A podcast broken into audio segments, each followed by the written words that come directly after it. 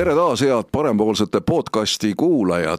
tänane teema on teema, mis ühiskonnas kirgi on kütnud, ma võin selgelt väita, kuskil pool aastat ja rohkemgi peale nii palju on räägitud haridustöötajate streigist ja ma küll ei mäleta, et Eestis oleks olnud nii pikka perioodi, kus ühte sellist streiki või tööseisakut oleks nii pikalt ette valmistatud. sellest oleks nii põhjalikult räägitud. on olnud neid selliseid tööseisakuid, aga selline, mida nüüd kavandatakse kahekümne teiseks jaanuariks võimalik, et ta tuleb siiski.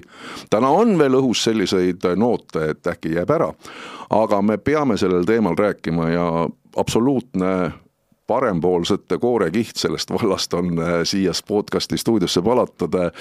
Andres Kaarman, Saue abivallavanem ja absoluutselt kursis haridusteemadega. kindlasti Saue valda on selles kontekstis väga hästi ka esile toodud äh, oma mõtteka ja sisuka ka äh, kooli sellise võrgu korrastamise või hoidmise koha pealt ja ka õpetajate palkade kõrgel hoidmise koha pealt ja õpetajad meid siin esindamas, Liina Maurer, kes on siis Tartu Rahvusvahelise Kooli õpetaja, filoloog oled ja sa oled väga palju ka sõna võtnud streigi teemadel, ma ei taha öelda, et sa streigi murdja oled, aga sa oled juhtinud tähelepanu väga paljudele asjaoludele, mida võiks kindlasti selles kontekstis esile tõsta. tere! tervist!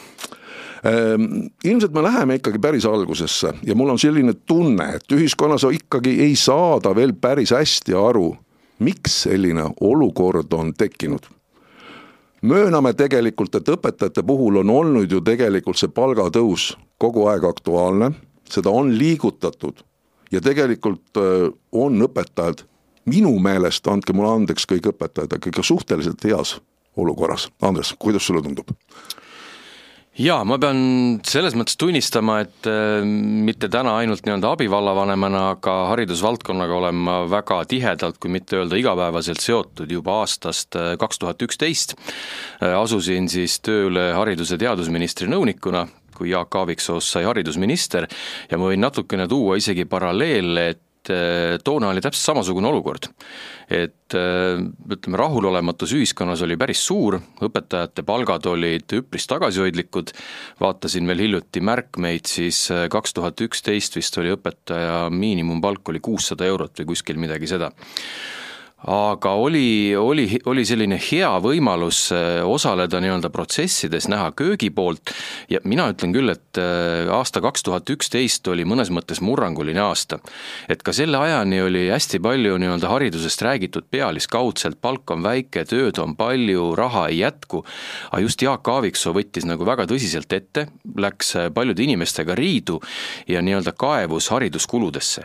et, et, et mis see siis on, kuus koma kuus protsenti paneb paneb Eesti oma sisemajanduse kogutoodangust haridusse ja palk ei jõua õpetajateni.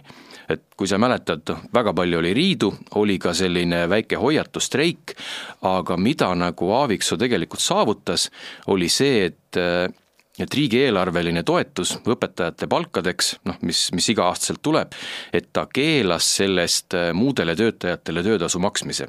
on need tugispetsialistid, koolitöötajad, muud asjad. ja, ja veelgi enam, et toona oli probleemiks sellised väiksed gümnaasiumid, mis ei olnud elujõulised. ja Aaviksoo ajal, ütleme, keelati ka see ära, et põhikooli arvelt võiks neid gümnaasiume ülal pidada. E, et mis oli selle aja pluss, kolme aastaga toodi väga palju selgust, äh, hakati aru saama ühiskonnas, äh, kes on tööandja, kes maksab palka, kes tuleb palgaraha, aga ma arvan, et viimase sellise nelja-viie aasta jooksul on, on, on see jälle nagu ära pühitud ja ma julgen öelda, et, et streigi üks selline ütleme, rahulolematus, isegi mitte streigi, peamine põhjus on see, et ega keegi täpselt aru ei saa, kust tuleb palgaraha, kes seda maksab, kes seda kulutatakse ja selline teadmatus, usaldamatus ongi kõige sellisem, ma ütlen, kõige parem pinnas sellistele rahulolematusele. Mida õpetajate toas, Liina, räägitakse äh, sellest streigist siis reeglina, kas õpetajad saavad aru, kuidas nende palk kujuneb? siis tegelikult ma olen Andresega täiesti nõus ma usun, et väga palju õpetajaid siiski ei tea vot seesama riik, seesama Kaja seal kuskil, seesama Kristina kuskil seal, nemad ongi need, kes kirjutavad iga kuu palgalehtedele alla. on see siis niimoodi või kuidas õpetajate sisemine vaade selle koha pealt on? no õpetajate toa vaade esimesena kindlasti ei mõtle sellele, kust minu palk tuleb, see streik on pikaajalise pettumuse tulemus. et asjad on õpetajate silmis olnud halvasti väga pikka aega. On õpetajaid, kes on väga rahul, kes ei mõista üldse praegu, millest selline streik, aga teiselt poolt numbrid näitavad ju pidevat lahkumist, iga aasta lahkub meil tuhat nelisada viiskümmend õpetajat. no kui palk oleks jube hea ja töötingimused oleks head, siis ju õpetajad ei lahkuks äh, praegu on tulnud välja, et ei ole probleem nii väga isegi enam palgas, vaid töökoormuses, et see töökoormus või ülesande, mis on õpetajale antud, ei mahu kolmekümne viie tunni sisse ja tegelikult ei vasta sellele palgale. Et see olekski lihtsalt selline praegune olukord kirjeldatuna? kui nüüd juhtub, et äh, kujutame ette, et õpetajad saavad selle tuhat üheksasada viiskümmend eurot, nii, aga mis saab järgmine aasta? et see palk ei raviks nende kurmat-, kurnatust, see palk ei raviks äh, ületunde, ma arvan, et me oleks aasta pärast täpselt samas olukorras kas praegu on toimunud ka kuidagi lõhenemine selles samas äh, protsessis, sest mul on niisugune tunne, et et alguses olid kõik õpetajad vägagi selle poolt, täna enam kuidagi mitte. mis sinu kogemus ütleb või, või tähelepanekud ütlevad selles vallas? sa mõtled stressi po-, või selle streigi, streigi poolt tervikuna või? Äh, ma natuke võib-olla sekundeerin ka nagu, nagu Liinale, et et palk ei ole kaugeltki mitte, mitte ainus ja ma arvan, isegi mitte peamine probleem. et, et see on ikka kerkinud selline, selline rahulolematus, selline lubaduste nii-öelda andmine, mittetäitmine ja see on ajanud kopsu üle maksa. et kui sa alustasid seda, et, et Saue vald on, on eeskujulik mõnes mõttes, noh, ütleme nii, et meil on olnud suhteliselt hea maksutulu, meil on võimalus seda ise toetada, et noh, me pingutame, aga, aga kindlasti on, kindlasti on kuskile nagu minna. aga ma täiesti üllatavalt avastasin, et äh, umbes selline poolteist aastat tagasi, kui oli õhus õpetajate palgatõus, kakskümmend neli protsenti, siis ma kirjutasin ka sellest artikli, et, et ainult palgatõus seda probleemi ei ravi ja, ja kuu aega tagasi vaatasin täiesti sõltumatult, et Liina oli täpselt sellesama teema kirjutanud, et palgatõusust nagu üksi ei piisa. ehk see on seesama teema, et no me võime tõsta palka viissada eurot, me võime tõsta tuhat eurot, aga, aga kui, kui nagu töö sisu, töökoormus, see, mida me teeme, ei muutu, et ega see ei vähenda läbipõlemist. tõesti, ta toob võib-olla võimekamaid inimesi kooli, aga noh, me just hommikul nagu Liinaga natukene arutasime, et et, et see arusaamine, mida õpetaja teeb, mida ta peab tegema ja mida ta võiks teha, on tegelikult nagu kardinaalselt nagu erinev. et kohati mõni õpetaja võtab ka endale nagu lisatöid, lisaülesandeid, mida võib-olla ei peaks tegema. et ma tõin ka piltlikult öeldes näite, et et noh, oleks vaja kaevata meetrilaiune kraav et siis saaks selle vee sealt läbi lasta. nüüd tuleb üks hea töömees, äh, kaevab kahemeetrise kraavi ja siis ta kurdab, et äh, tööd on palju, palka on vähe, ei jõua, et noh, ma arvan, et Liina võib-olla räägib täpsemalt, me võiks hariduses liikuda rohkem sinna suunda, et äh, noh, mida vähem teha, ei pea kõike tegema. No aga liigume sinna suunda, sest tegelikult te juba alustasite selle õpetaja, õpetaja nagu isiku lahtivõtmist sa tõid välja, et tegelikult õpetajad kindlasti sooviga rohkem teenida, võtavad endale ja otsivad endale lisakoormust, see on täiesti inimlik. ma saan sellest suurepäraselt aru, et see nii käibki, mina otsin ise ka teinekord endale lisakoormust, et, et tahaks rohkem teenida. aga õpetajate puhul tuleb vist ikkagi aru anda, kas see on tark tegu ja millest lähtuvalt peaks ikkagi hakkama võib-olla ka tulevikus rohkem tähelepanu pöörama, kuidas õpetajat tasustada mm. -hmm no selle töökoormusega on kindlasti noh, mitu osapoolt, ühelt poolt on see õppekava, mis tõesti on väga mahukas, selle vastu ei vaidle keegi, aga teiselt poolt minu meelest ei ole ka õpetajatel endal täpselt selgust, kuhu see aeg tegelikult läheb. et kui äh, kolmandik pärast esimest kolme aastat lahkub, aga samas küsiti, et nendelt, kes plaanivad lahkuda, miks te plaanite lahkuda, siis need põhjused olid natuke teistsugused, et ei olnud, et ainult töökoormus, töökoormus oli alla kümne protsendi, et tahan selle pärast lahkuda.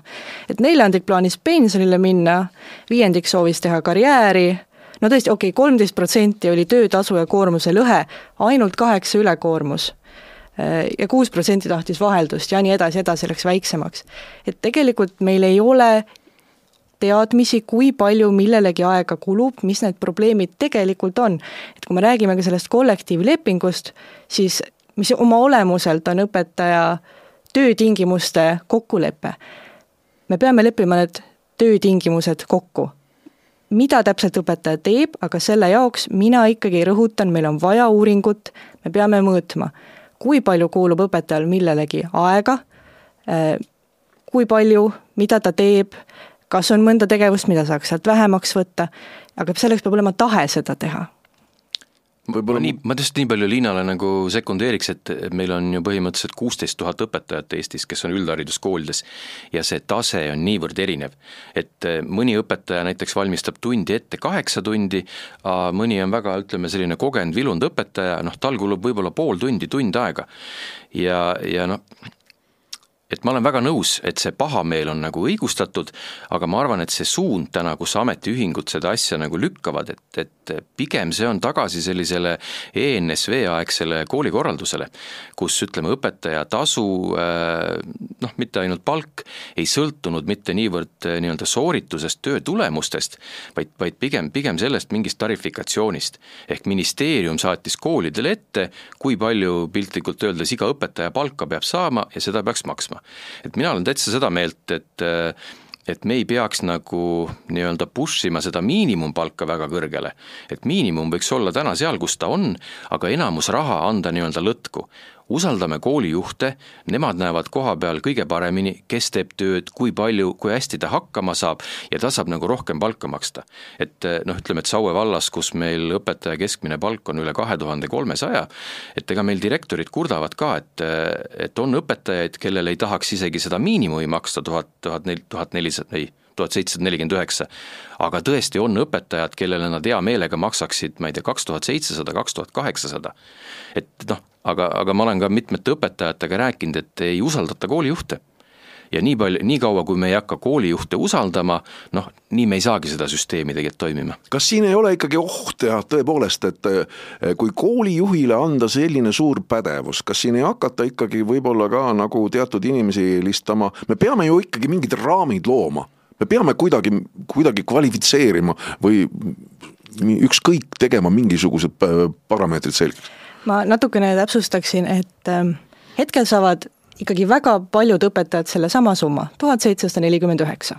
aga mis selle sisse läheb, see on väga-väga-väga erinev. koolides ei jagune klassid võrdselt. võib juhtudagi täpselt niimoodi, et äh, väikekoolis äh, geograafiaõpetaja annabki kaks, võib-olla neli tundi nädalas, saab oma null koma ma ei tea, kaks koormuse. ja siis ta käib erinevate koolide vahelt, et saada oma koormust kätte. võib-olla mõnes koolis saab veel mõne teise tunni lisaks, hakkab kunsti õpetama, mis pole üldse tema eriala ja siis justkui keskmine palk tõuseb, et ta käib erinevates koolides, klassid jaguneb võrdselt, koormus läheb üle. aga direktor ütleb, et aga noh, keegi peab selle klassi ju võtma. Need on nüüd see, need tundide pool.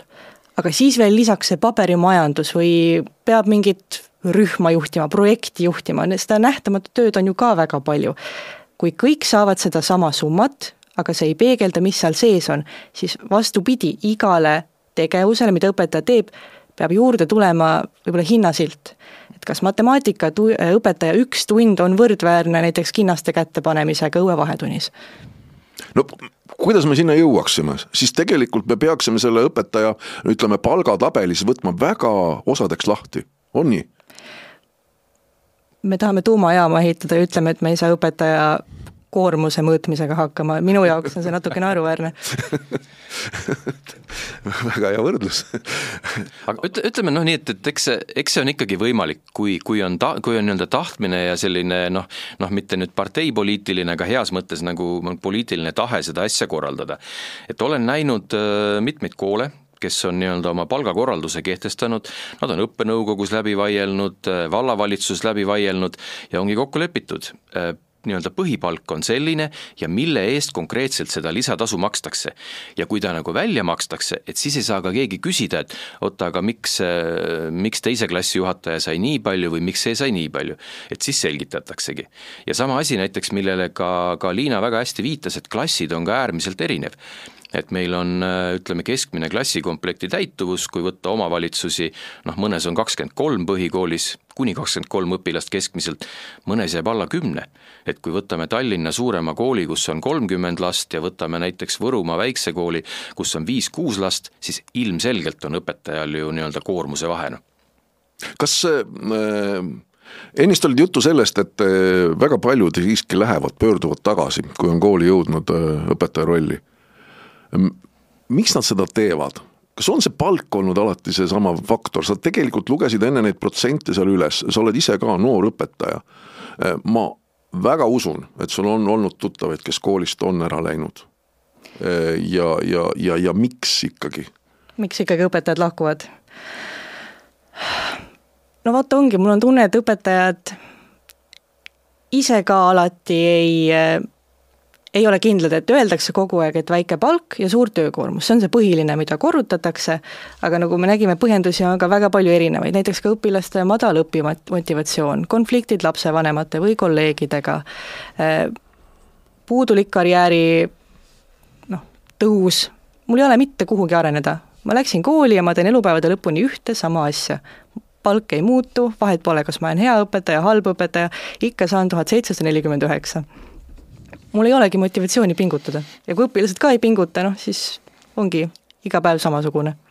nii et Kuigi... sellist äh, paid õpetajad saavad ikkagi väga vähe?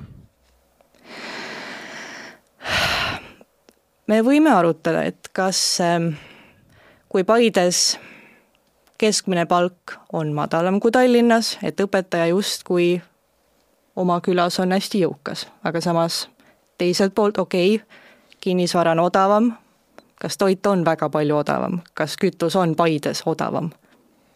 Ma mõtlesin vaid sellist kiitust aga see selleks, et õpetajatel ei ole kiitust palju, aga ei, ei, ei, sa tulid sellest olukorrast väga kenasti välja.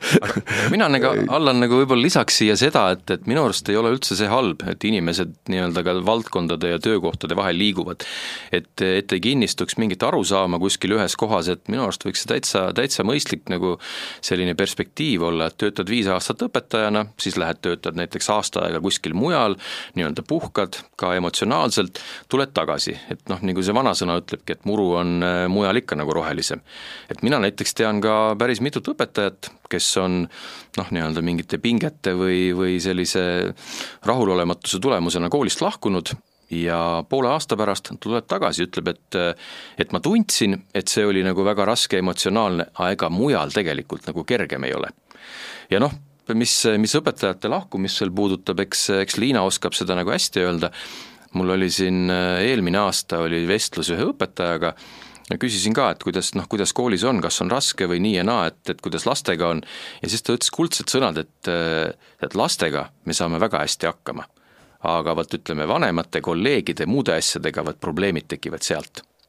no see on kindlasti, see on valus teema kindlasti kollektiivis sees et kui palju seda tunda on reaalselt, et äh, võib-olla vanemad kolleegid ikkagi noorematele vaatavad kuidagi viltu otsa ja, ja ja võib-olla tekib ka selline sisemine hõõrumine?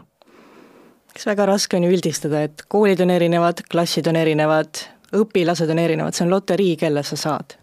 aga tahes-tahtmata mõnes koolis pool kaadrit vahetub iga aasta, mõnes koolis on õpetajad olemas milline võiks siis ikkagi see antud olukorras olla riigi roll? Äh, on olnud hääli ja seda on ka riigijuhtide poolt, äh, valitsuse liikmete poolt välja tulnud, et peaks hakkama seda kõike ümber vaatama kuidagi niimoodi.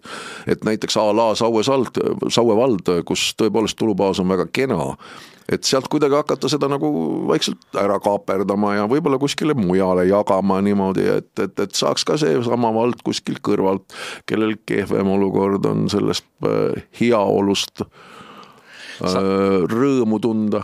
sa nüüd viitad sellele Robin, Robin Hoodi. Robin Hoodi fenomenile. Robin Hoodile, et äh, noh, ma arvan, et äh, ka rikkad nutavad ja, ja kui me siis ütleme Saue vallast või üldse siin lähivaldadest, Raed, Harkud, Viimsid rääkida, siis on hakatud isegi rääkima mitte rikkad, vaid tulukad vallad. aga me samalt poolt ütleme, et aga me oleme ka väga kulukad vallad, sest et just laste ja noorte osakaal on meil väga kõrge, kes tahavad lasteaiakohti saada, huviharidus, muu haridus, kõik asi, et tegelikult see raha kulub nagu ära ja maksame veel oluliselt juurde.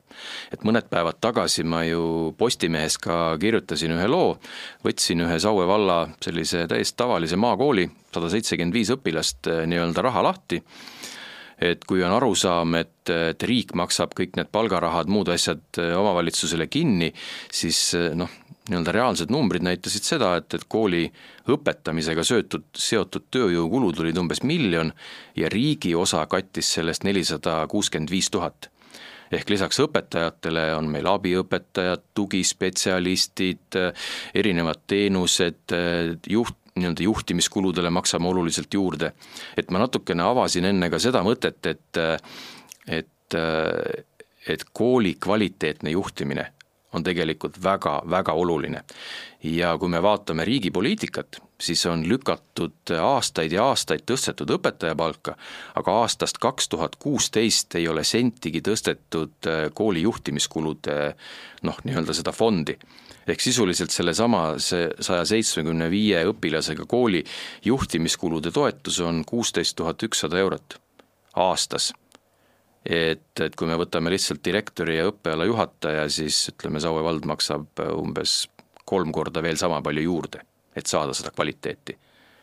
ehk toon sisse viimased arengud veel tegelikult äh, seoses selle streigiga, on ikkagi nii, et paljud omavalitsused on juba teada andnud äh, sellest, et äh, head õpetajad, kui te streikima lähete kahekümne teisel jaanuaril, siis teil selle päeva eest tasu ei tule kuidas sellesse nüüd suhtuda? on see nüüd äkki neil liiga ootamatu õpetajatele ka, et oi-oi, ma ei saagi, saagi selle päeva eest raha? see tuli tõesti paljudele üllatusena ja paljudele ei tulnud ka, aga kui sind tööl ei ole, siis mille eest sa palka saad, et minu jaoks on see ikkagi natukene üllatav, et kuidas saab tekkida üldse üllatus, ma ei saa palka, kui ma tööle ei tule seni teate, et kõik läheb hästi, et äh, teeme selle streigikese seal vaikselt ära ja no kui vaikselt, tähelepanu oleks kindlasti saaks ja saavad kindlasti õpetajad sellega. aga Andres, mida sina arvad sellest, et no., et ja kuidas näiteks Saue vald sellesse suhtub?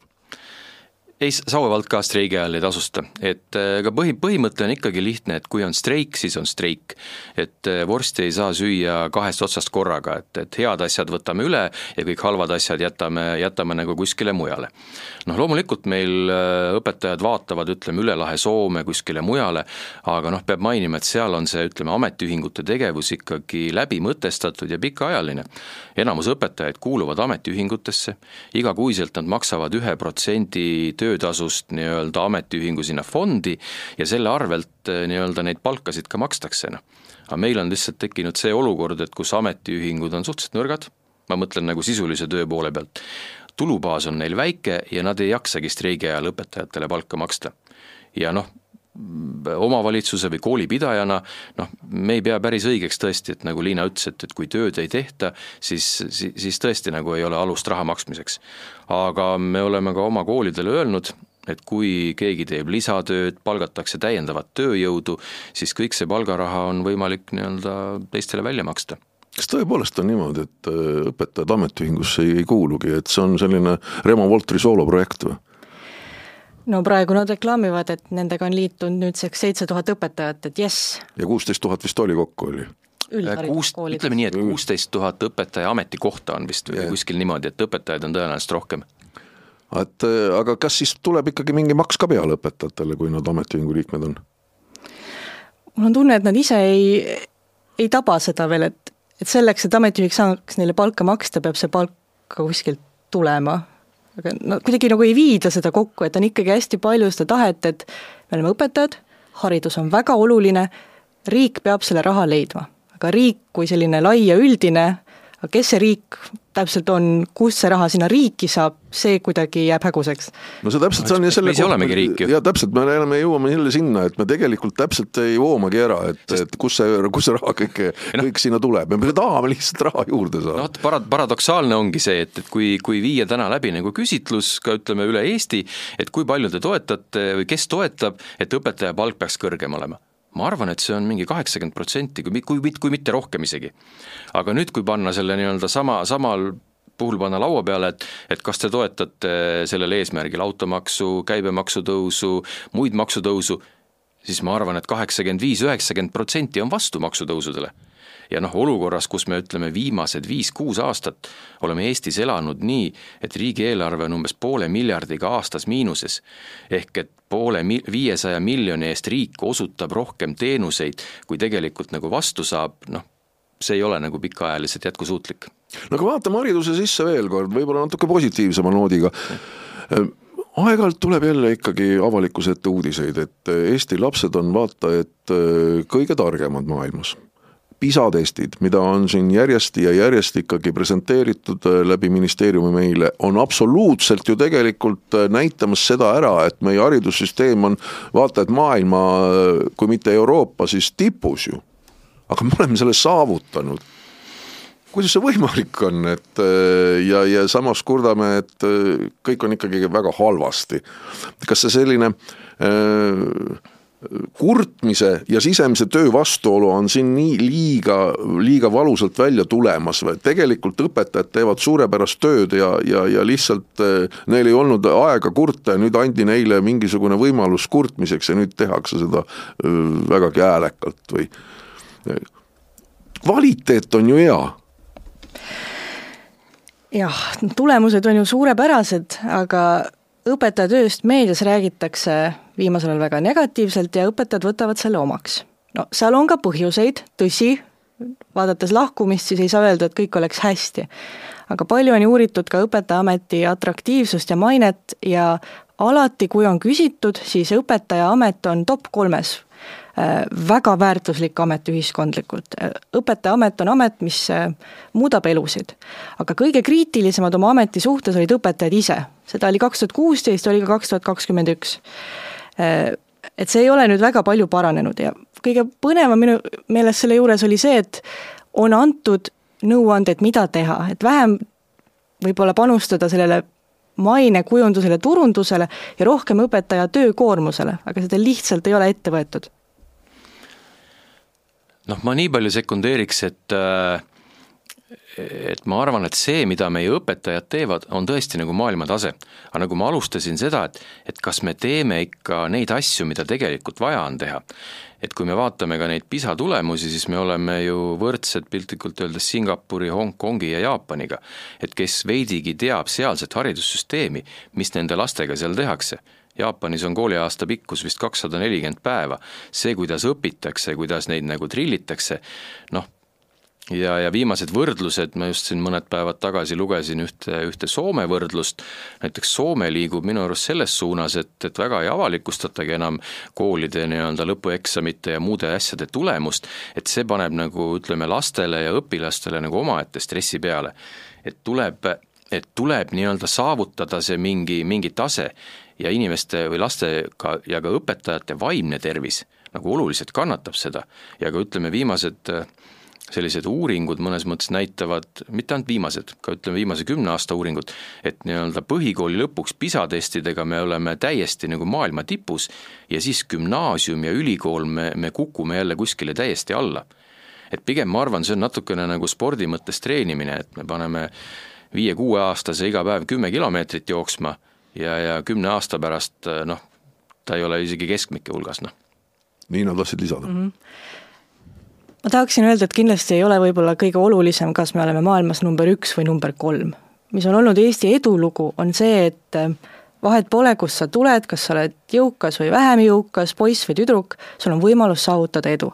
Eestis sotsiaalmajandusliku tausta mõju õpilase edule on üks väiksemaid. tõsi, nüüd me oleme juba liikunud OECD keskmise suunas, et äh, Eesti õppekeelega noorte tulemused on langenud, nii-öelda ka pärast koroonat mõju oli nähtav, ehk ilmselt see distantsõpe andis oma löögi, aga Eestis on võimalik teha tööd, näha vaeva ja saavutada edu. see on see, mis tegelikult on oluline. ja mis Eesti teeb veel eriliseks, ongi, et me oleme täpselt nii tugevad, kui on meie kõige nõrgemad. aga Eesti õpilastel on suunitlust tulemuste poole, mitte meisterlikkuse poole. Jaapanis ja Singapuris vastupidi, on ähm, rõhk meisterlikkuse suunas ja nendel on tippsooritajaid märgatavalt rohkem kui meil no me teeme tegelikult ju koolide edetabeleid ka alati, kui on eksamite sessioon ja alati läbinud, läbi. ja siis seal näidatakse ära, kuidas ühes või teises äh, piirkonnas, ühes või teises koolis on äh, toimunud see hindamine ja kuidas seal oli siis eksami edukus. kas see teie meelest on õige, hakata koole niimoodi lahterdama? Minu arust see tekitab väga suuri pingeid või kuidas tundub? ma arvan, et see ei tekita isegi nagu pingeid, aga küsime, et mida see gümnaasiumi lõpueksami tulemus tegelikult näitab. et kui me võtame piltlikult öeldes Tallinna eliitkooli, kuhu ütleme, gümnaasiumisse pääseb väga kõva konkursiga ja ütleme noh, piltlikult öeldes pääseb sisse tulemusega kaheksakümmend ja lõpetab tulemusega üheksakümmend, ehk see lisandväärtus on nii-öelda kümme, on ju et ma hindaks näiteks hoopis kõrgemalt äh, mõnda maakonnakeskuse gümnaasiumit, kus õpilane saab sisse tulemusega viiskümmend, aga lõpetab näiteks kaheksakümmend. Ehk, ehk siis see, et, et kui palju ta seal gümnaasiumis nagu juurde saab. et see, et äh, nii-öelda hinnata seda nii-öelda lõppsooritust, ma arvan, see, see ei ole nagu õige, noh. No õpetajal on ikkagi ju ilus vaadata, et vot minu kool on seal kuskil esimese kümne seas, näed, hästi oleme tööd teinud ma saan aru sellest loogikast, et äh, õpilane tuli, oli kaheksakümmend, nüüd on üheksakümmend, et äh, noh, kasutegur on võib-olla väike, aga me unustame ära selle, et me Eestis ei keskendu väga palju tippude arendamisele. et need eliitkoolid, isegi kui nad võib-olla kõigile ei meeldi, annavad väga andekatele õpilastele võimaluse äh, õppida veel rohkem seal on õpetajal aega nendega tegeleda, teised õpilased tulevad sellega kaasa, äh, sageli neil on seal tunde rohkem, rohkem võimalusi, ma ei tahaks neilt seda võimalust nüüd ka ära võtta aga kas meil ei näe ikkagi võib-olla siin ka õpetajate sellist soovi liikuda, näiteks kui on mingisugune kool X kuskil maakonnas tõstetud esile, olgu ta Tallinn, Tartu või üks, ükskõik milline suurem omavalitsus oma nende eksamitulemuste põhjal, siis on õpetajal ka äkki ikkagi soov sellesse kooli liikuda, kus teinekord võivad olla ka ütleme, kõrgemad ja paremad palgatingimused jällegi, klassid ei ole ju nüüd võrdsed. et üks aasta sul võivad olla tulemused suurepärased, teisel aastal võivad tulemused olla väga madalad, eriti kui me räägime väiksemast koolist ja sul lõpetabki ainult kümme õpilast, ühel läheb eksam täiesti aia taha, juba ongi tulemused madalad. kas õpetaja tegi nüüd halba tööd või oli lihtsalt võib-olla halb aasta? et äh, ma ei usu, et nüüd õpetajad päris selle järgi vahetaksid, et kuskil on justkui väga targad õpilased, pigem on kuskil väga head õpetajad. mida, Andres, arvad? Eks nagu igas töös, eks see töö käib ikkagi mõnes mõttes tellija materjalist. Ja, ja Liina korra mainis ka, ütleme see sotsiaalmajanduslik ja, ja no üldse see taust, et kui palju vanemad tunnevad oma laste vastu huvi, kui palju nad neid nagu toetavad, et see, see avaldab mõju. ka Arenguseire Keskuse üks uuring, mis siin ka läbi käis, et, et mida kõrgem on ema palk, seda paremad on lapse tulemused nagu matemaatikas, noh, ma teisaldakski seda selleni, et, et vanemad nii-öelda kodus ka pingutavad et eh, kui me räägime õpetajate noh, tervikuna sellisest ülekoormusest ja läbipõlemisest, siis natukene ka see, et, et õpetajad on hakanud üle võtma vanemate kohustusi. et see, mis peaks vanemad nagu lastega tegema, on see siis sotsiaalses mõttes või nii-öelda toetamise mõttes ja kui kodus seda ei ole, noh siis õpetajad teevad eh, ka mõnes mõttes nagu sellist eh, sellist topelttööd ja aga, aga mis puudutab muidugi õpilasi, siis noh, loomulikult on, ütleme eriti gümnaasiumi osas on, on nii-öelda lihtsam töötada motiveeritud õpilastega ja, ja, ja, ja see on ka tegelikult üks põhjus, miks on ka gümnaasiumis nagu lävendid. noh, tehakse eksameid, testitakse nende oskusi ja mitte ainult oskusi, vaid ka motivatsiooni. et kas sa tõesti tahad siia gümnaasiumisse tulla õppima või sul, või sul lihtsalt ei ole veel mingit plaani, et ma tiksun see, see näiteks see kolm kuud või kolm aastat veel gümnaasiumis, et siis vaatan nagu edasi. et noh, hea näide on, toongi Saue gümnaasiumist, et meil oli noh, mitte isegi halvas mõttes, et äh, kui palju sõltub ikka õpilasest, ka klassis, et kuidas, kuidas on õpilased kokku sattunud, täpselt samad õpetajad, täpselt sama kool, üks aasta on üksteist kuldmedalit, järgmine aasta on üks kuldmedal. noh, et kas siis kool on halb, äh, noh, no ei ole noh et see on ikkagi koostöö. meie haridussüsteem tegelikult tunneb ka sellist fenomeni, et meil oli mingil hetkel ma ei tea, kuidas täna on, parandage mind, mingil hetkel ikkagi selline soov ja huvi teatud koolidel luua selliseid eliitklasse et vot see õpetaja kuidagi, kuidagi sai need kooli pealt need paremad õpilased kõik endale sinna punti ja siis ta sai seda nagu tulemust teha. kas selline asi toimub praegu ka? Segregeer-, segregeerimist mõtled? no kuidas, kuidas sõnastada, mina ütlen eliitklassi loomine.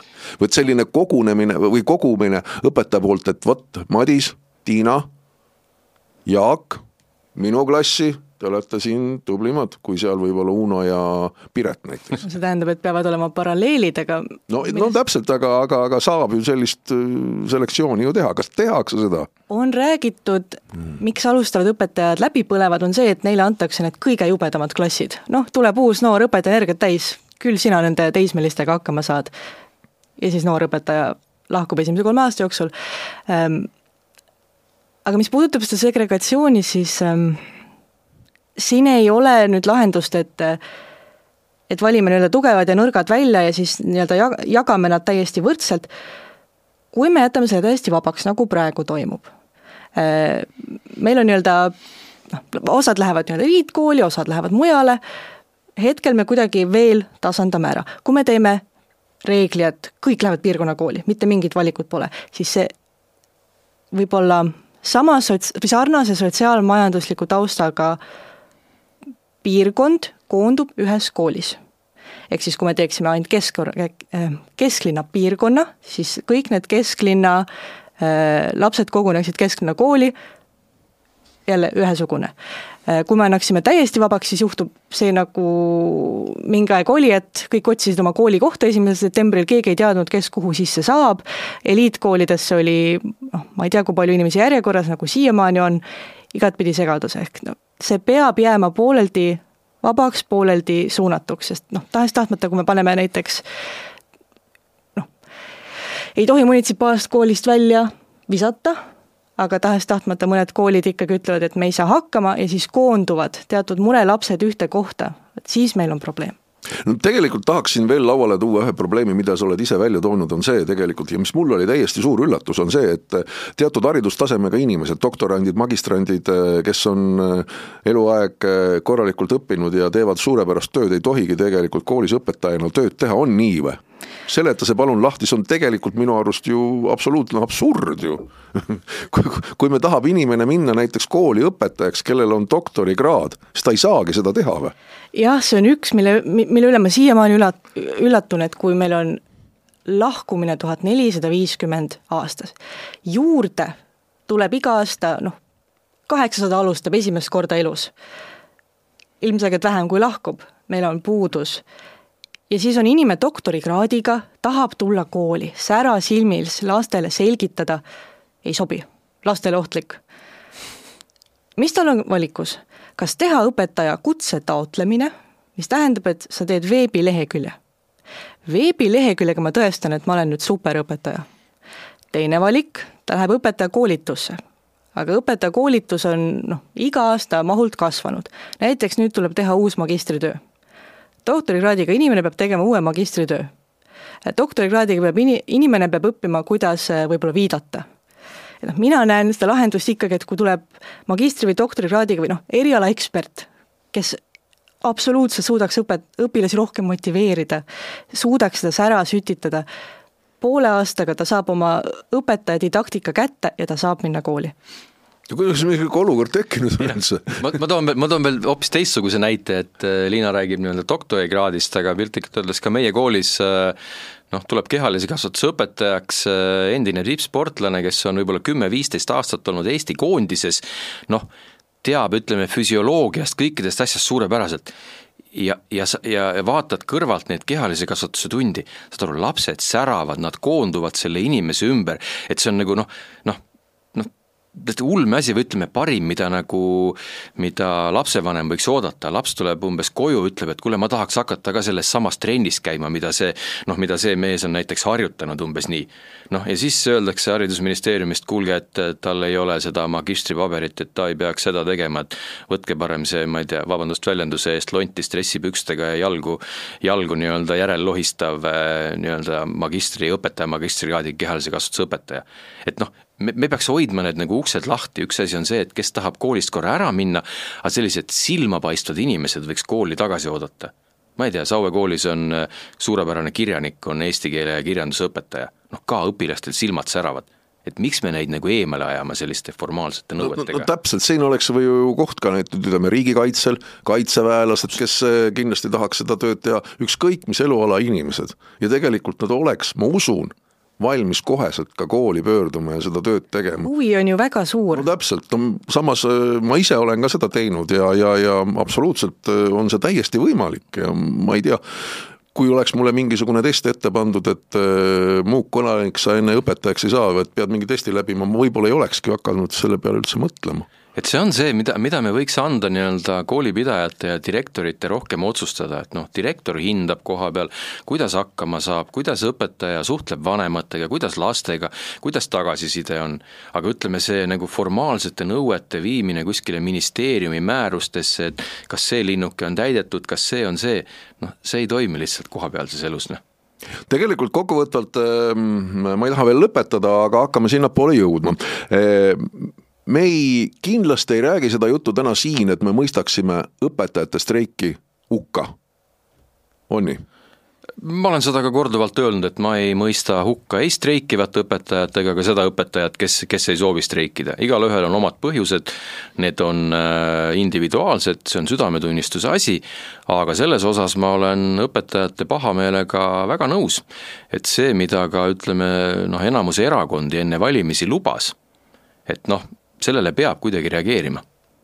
Liina, tegelikult on ju ka mm, õpilaste liidud ja kõik sellised äh, väiksemad organisatsioonid, me oleme siin tegelikult ju absoluutselt kõrvale jätnud ka lasteaiakasvatajad ja, ja, ja kogu selle äh, poole siin.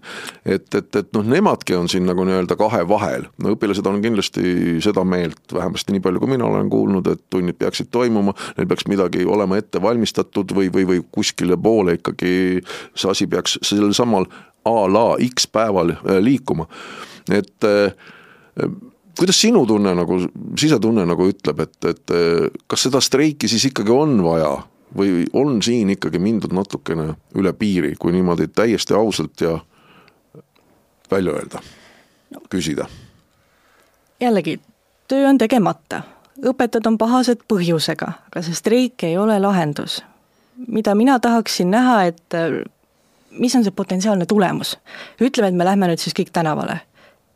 nii, aga mis toimub kahe nädala pärast, mis toimub aasta pärast, millise protsessi me algatame?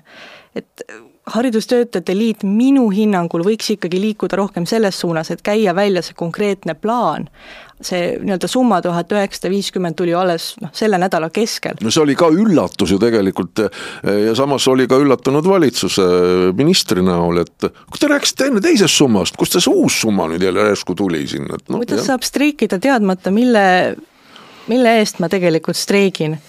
et ma ei mõista mitte kedagi hukka, kui ainult seda, et kui ma streigin teadmata, mille vastu ma streigin, et aga jällegi, seda ei saa ka õpetajate kaela anda, et õpetajad on pettunud põhjusega võtame ikkagi kokku, me oleme täna rääkinud väga erinevatel teemadel ja väga erinevatest murekohtadest, et mis võiksid olla need lahendused. sa siin ütlesid ka tegelikult, et õpetajad lähevad seda pärast seda streiki tööle taas, kahekümne kolmandal näiteks noh, kõik on ikka ju samasugune, kõik on ikka samamoodi ja ikka me kuuleme erinevaid selliseid põhjendusi, mis sealt äh, ala äh, Stenbocki majast tulevad. aga miks võiks olla need ikkagi äh, lähtekohad, millega võiks kindlasti tööle hakata? me oleme siin neid välja toonud, aga võtaks siin ütleme ähm, selle taskuhäälingu lõpuks siis selle kenasti ka kokku?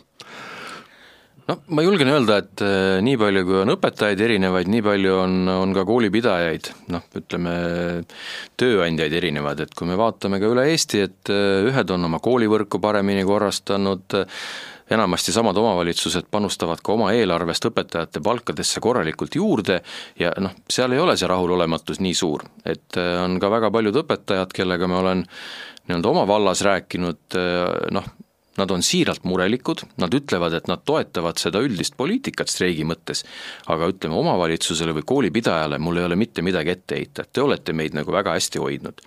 noh, nüüd ongi see, et et me ei saa nii-öelda riigi tasemel ühe vitsaga lüüa, aga mida ma muidugi ootan, on ikkagi väga head, väga head selgust, et nii ametiühingud, ministeerium, kõik, ka koolipidajad, et me räägiksime ühte juttu kes on õpetaja, kust ta palk tuleb, kuidas see nagu kujuneb ja ma arvan, siis on seda segadust ja pahameelt äh, oluliselt nagu, nagu vähem. ja no ega see ei olegi see, et me teeme ühe otsuse, see on, see on iga, igapäevane töö, noh. ega see Liina? üks, koolivõrk tuleb korrastada, see tuleb lõpule viia. Et õpetajate koormus ei oleks äh, null koma kaheksakümmend kolm keskmiselt, vaid et õpetaja saaks oma täiskoha, kui ta tahab saada täiskohta. kaks, uuring, millele õpetaja aeg kulub ja igale tegevusele panna hinnasilt külge, sellele ajakulu põhjal ehitada üles palgamudel. ma küsin kiiresti vahele, on seda keeruline teha?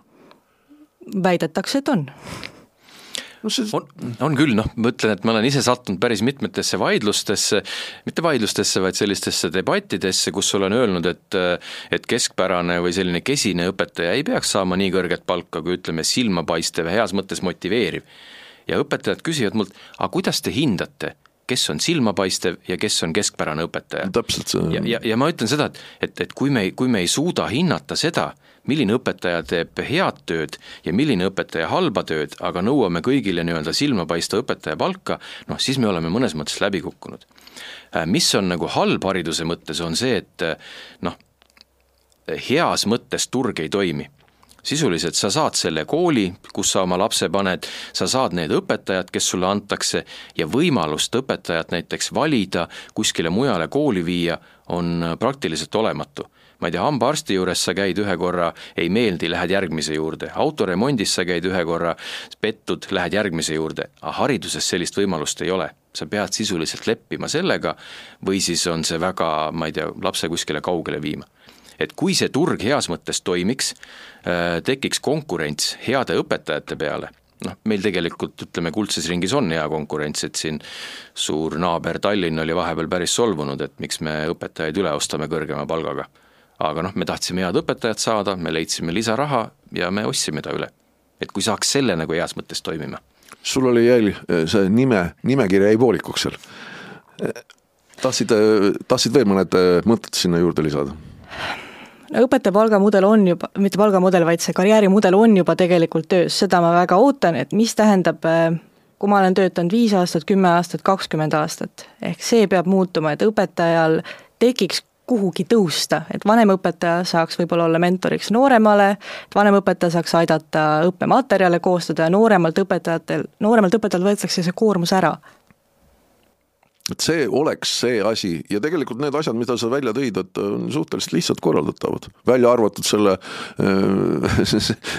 selle nii-öelda kontrolli või ehk siis, siis testiga või kuidas selle õpetajate noh, nii-öelda töökoormuse testiga või, või, või uuringuga siis. et see, see nagu selline keerulisem pool.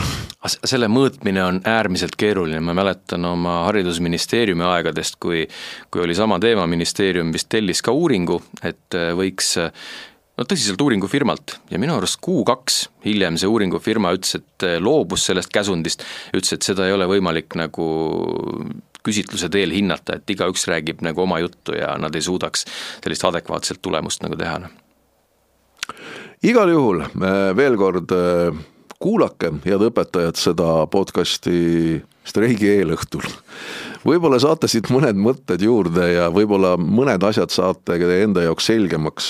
kindlasti ma ei taha siin õpetaja rolli võtta, ega meie ei taha siin keegi laua ääres õpetaja rolli võtta. me lihtsalt räägime ja rääkisite teie nendest samadest muredest, mida, mis tegelikult selles samas süsteemis sees on ja kuidas võiks paremini muuta. kindlasti ootame teie kommentaare siiasamasse Youtube'i kanali alla ja ma usun, et nendel haridusteemadel me saame kindlasti veel jätkata, sest see on teema, valdkond ühiskonnas, mis nõuab kindlasti järeleaitamist. nii et vaatame, mis toimub, streigi päev on veel õhus, kas see toimub lõpuks, ei tea meie, sest me salvestasime selle podcast'i natukene varem kui kakskümmend kaks jaanuar. aitäh teile!